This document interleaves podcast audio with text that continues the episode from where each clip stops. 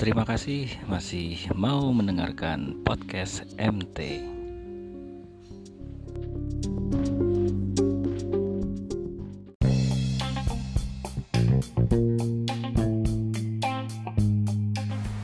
Oke, jadi situasinya backgroundnya tadi kayak gimana itu Kang? Mahasiswa Backgroundnya S2. gue ngajar di S2 Hmm. Kondisinya mahasiswanya nggak bisa eh, baca, nggak bisa melakukan analisa, nggak bisa berekspresi Hmm, Udah gitu mereka harus S2 diharuskan untuk menemukan sesuatu di para lagi ya. Udah gitu harus menulis temuannya kan Iya. Mampus. Mabok Terus dia nggak punya kemampuan itu. Terus apa yang dia bikin? Akhirnya harus dilatih Ternyata itu harusnya dilatih dari S1 Hmm. Telat nih S2 Nulis saya kagak bisa Ternyata guru bahasa Indonesia nggak pernah ngajarin nulis Makanya Iya. gue kemarin komplain di kampus eh, Eh lu anak-anak S1 pada ini dah kurikulum S1 dirubah tuh. Pelajaran bahasa Indonesia jangan ngajarin tata bahasa doang. Iya. suruh belajar nulis. Karena bang nggak bisa berekspresi anak-anak itu. Jadi pertama nggak bisa nulis. Kalaupun nulis kecenderungan anak-anak kayak gini. Anak S2 ya. Kecenderungannya ngasih tahu bahwa dia jagoan ke yang pembacanya. Oh gitu. padahal tujuannya nulis di S2 bukan ngasih tahu jagoan kan. Ngasih tahu bahwa dia menemukan sesuatu. Akhirnya nemuinnya nggak keluar ngasih tahu semua ilmunya ada di mana dia ngerti semua ilmu lah nggak penting Padahal cuma cepat-cepat ngomongin dari beberapa referensi ya. Eh, ada- mending referensinya referensi referensinya teh eh, SMK ini mengerjakan ini. Wow. jadi referensinya jadi kebanyakan masalah di S1 S2 nya Indonesia adalah referensinya referensi Indonesia semua Hmm, sebenarnya nggak salah-salah banget sih. Cuman bayangin kalau udah level S2 itu harusnya masuk papernya di jurnal internasional yang terindeks iya. Scopus. Betul. Yang namanya jurnal internasional nggak bisa dong referensinya Indonesia semua kan. Iya. Harus referensi luar. berarti uh, anak-anak yang mahasiswa S2 kayak gitu dia termasuk orang yang nggak bisa memanfaatkan teknologi. Padahal itu kan bertebaran itu akses untuk uh, referensi internasional itu. Jadi teknik ya. Jadi ke pasar ngajarin teknik. Buset. Teknik nulis, teknik ngadalin jurnal. Buset. Ini besok. Iya. Besok gue ke Lampung pagi-pagi akan ngajarin anak-anak S2 teknik nulis di jurnal. Bagaimana teknik ngadalin jurnal bahwa kelihatannya kita jagoan dan kita benar-benar nulis. Ah, bahkan sampai memanfaatkan teknologi ya. Bentar. Kesel. Lo airnya lo habisin sih.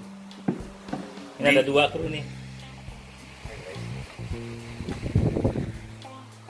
Nah, teknologi, teknologi yang paling bodoh buat nulis referensi namanya udah tau belum? Belum. Belum. Google Scholar. Google Scholar ya ya ya. Google Scholar kan dia, dia bisa nyari. Iya. Jadi teknik nyarinya gini sebenarnya teknik. Buat Wah, ini nih boleh ditipu ya? Eh boleh diikutin orang ya? boleh. boleh. Ah, Oke. Nanti bisa di dilihat di rekaman ceramah gue di Oh. channel YouTube Mono Center. Oh iya ada. Oh iya follow ya. Ono Center channel YouTube-nya. Alamin. Instagramnya. Tapi jangan gua, Instagram malas gua.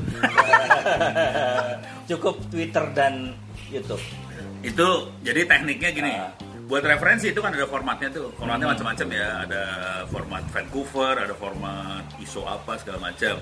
Jadi tekniknya adalah misalnya kita riset tentang Ah, Media sosial. media sosial. lebar kebanyakan ini. enggak eh, text mining untuk media sosial Iya. eh, Twitter misalnya ya. Iya. Jadi masukin Google Scholar keywordnya harus sepresisi mungkin Hmm. text mining for media sosial Twitter media sosial Iya. jadi spesifik banget kan Ah. supaya jumlah referensi sedikit kalau enggak referensinya bisa jutaan tuh pusing kepala lu Iya. masukin jutaan referensi dah Iya. kalau mau lebih dikit lagi, ditulis tahunnya yang sesudah tahun 2016 atau sesudah tahun 2017 Oh, iya, supaya tahun-tahun lagi, baru nah. aja. Jadi cuma dikit kan dapatnya dan Hmm. itu di situ di sini ada kalau kita dapat di Google Scholar itu nanti ada ini kelihatan nih referensi-referensinya. Terus di sini ada ada ada yang bisa diklik eh, kutip bentuknya kutip dua biji. Hmm. Itu diklik langsung keluar format yang harus di copy paste ke referensi kita. Oh. Jadi tekniknya cuma masukin keyword, Ah, Terus nanti kan kita bisa klik abstrak, abstraknya bisa kebaca ah, semua kan? Iya, abstraknya kebaca. Bacanya abstraknya doang, udah. Oh, Lu gak, gak usah baca ya. dalam-dalamnya. Fast reading pula gitu kan? Iya fast reading abstraknya doang. Kira-kira cocok apa kagak? Klik masukin ke tulisan kita. Soalnya di satu paper jurnal butuh 25 referensi nih. Nyari 25 referensi kan banyak kalau cari di perpustakaan di Republik Iya, Indonesia iya. mati mati mati lu cari referensi di perpustakaan Iya, mah. Mendingan lu pakai Google Scholar, klik aja. Udah bagus, formatnya udah bener, semuanya beres. Itu yang eh, trik pertama, Trik pertama bukan itu sebenarnya. bukan? Bagaimana menemukan sesuatu. Oh, Kan idenya itu. ide bukan ide sih kalau di jurnal kan harus laporan hasil penemuan bukan ide doang kan Iya. bukan sekedar ide kalau di conference boleh masih ide kalau conference masih ide masih boleh tapi kalau jurnal harus penemuan Hmm. contoh contoh sederhana contoh sederhana aja lu pada internet sehat Ya. ada sesuatu sesuatu yang menarik nggak di di internet sehat kegiatan lu sehari-hari Hmm. bagi orang lain menarik bagi kita mungkin itu udah jadi sebagai pengabdian nah nggak apa-apa buat orang lain menarik Iya. kita harus identifikasi yang menarik apa Iya, kan ah. bukan menarik aja ya Ah. maksudnya yang yang memang baru Ya. ya yang yang adanya cuma di Indonesia Ya, misalkan begitu maraknya eh, penyebaran hoax di Indonesia dan orang-orang banyak bertanya ke internet sehat, gimana sih cara mengha- mengha- mengatasinya gitu kan? ya jadi banyak pertanyaan seperti itu Ah. kan lu bisa, bisa bikin statistik dong Ya. pertanyaannya apa aja Ya. gitu ya terus dari mana aja Ah. terus kita bisa punya gendernya kan statistik kayak gimana Oke. Terus kita juga bisa punya melihat pola penyebarannya, penyebarannya di kota atau level kabupaten atau desa. Ah, Dari situ kelihatan semuanya. Kan kita bisa lakukan text mining dari dari pola pertanyaan yang dikasih, kata-kata yang dipakai buat bertanya apa aja. Kita bisa melakukan text mining, pakai buku ini tadi ya. ya, Pakai buku ini. Buku ini. Dari pakai buku ini kita bisa tahu ini text mining sebenarnya belum banget sih kalau belum mau tahu tekniknya. Heeh. Text mining tekniknya cuma ini doang. Teknik pertama text mining adalah ngitung jumlah masing-masing kata. Hmm. Kata internet ada berapa, kata sehat ada berapa, kata hoax ada berapa, dihitung jumlahnya. Kita semakin banyak jumlahnya berarti semakin apa? Semakin domin isu itu eh, Semakin dominan, Dominan ya. ya. Nah. Itu. Tapi ada satu lagi konteks Ah, konteks kan kita harus melihat kata sebelumnya tuh apa, kata se- sesudahnya apa, terus kita hitung uh, jumlah hubungan ini berapa sering terjadi. Kalau ini hubungan ini sering terjadi, berarti konteksnya tentang yang ini. Jadi ada dua hitungan, pertama jumlah kata, terus hubungan. ah, Kalau orang yang suruh ngitung kan tewas ya, ya, ya, ya. yang suruh ngitung software. Nah itu dikerjain. Jadi misalnya tadi deh ya, kata apa aja yang di, jadi ah, orang-orang pakai kata-kata apa waktu nanya penyebarannya kayak gimana, gendernya kayak gimana.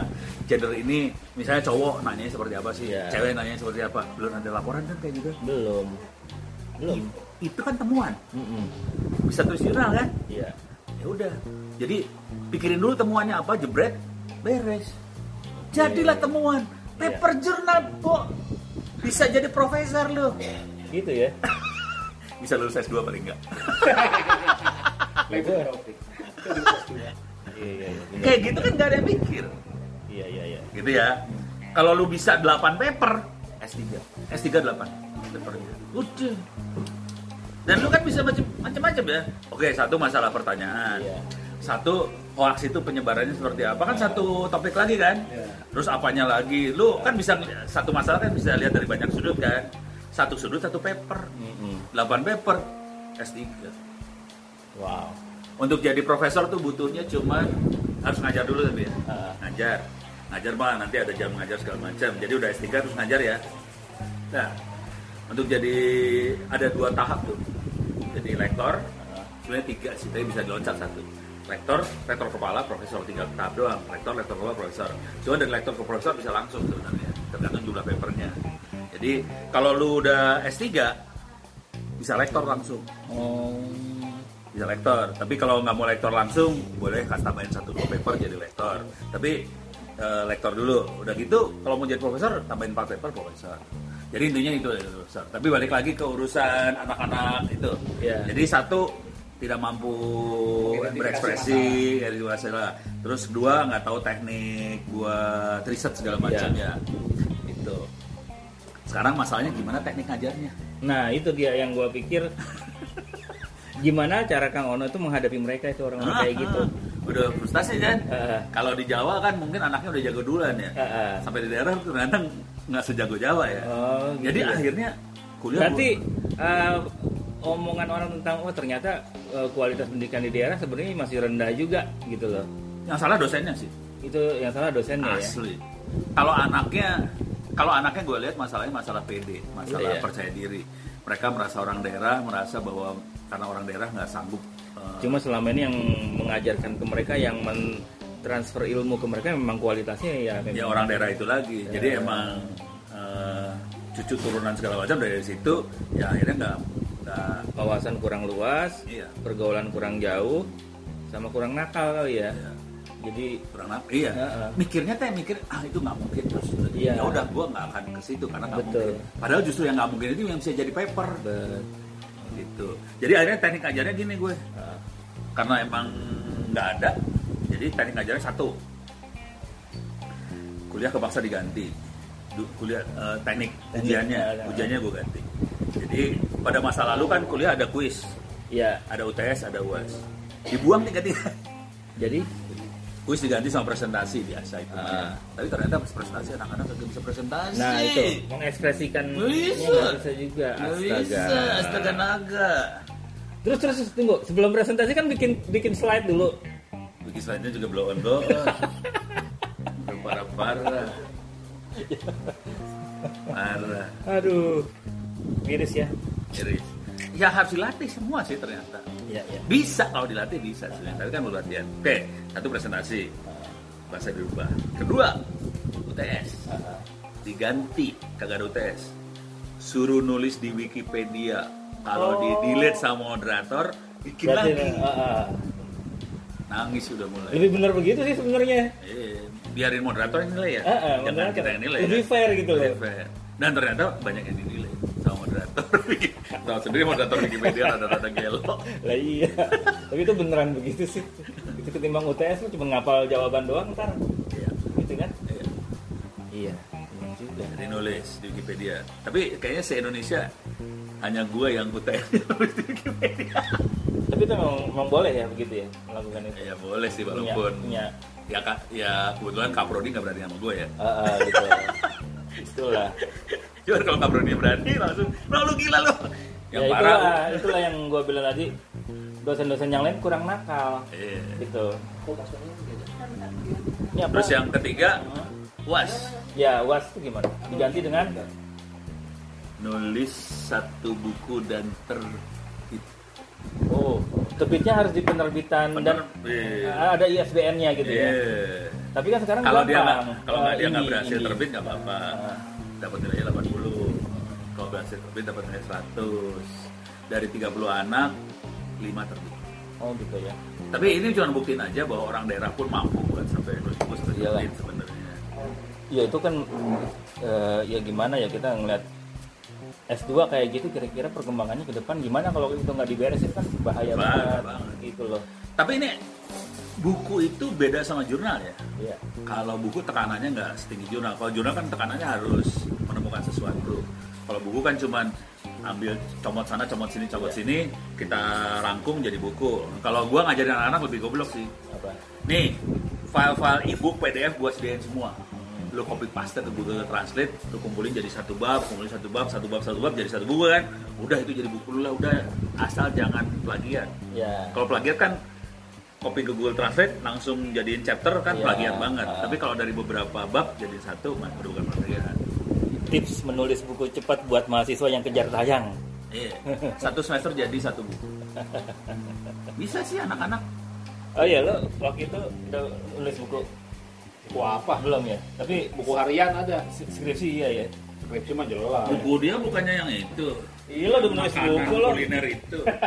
kuliner kan. Jangan lupa buka baju morti doang ingat itu aja. Oh, gitu ya. Promosi. Oh iya gitu aja sih. Thank you ya. Wah, Mudah-mudahan bisa bermanfaat. Bakso dulu kita sekarang. Bakso dulu. Gitu. Makasih Kang. Kita jangan lupa follow Ono Center di YouTube. ya. Biar dapat banyak eh, Banyak eh, ya 99% yang follow saya laki-laki itu aja. Gitu. Oh, aduh, gitu ya. Iya benar. Berarti harus gua tambah. Kalau gua kebanyakan perempuan. Gitu ya. Follow ya. Oke. Dah. Bye.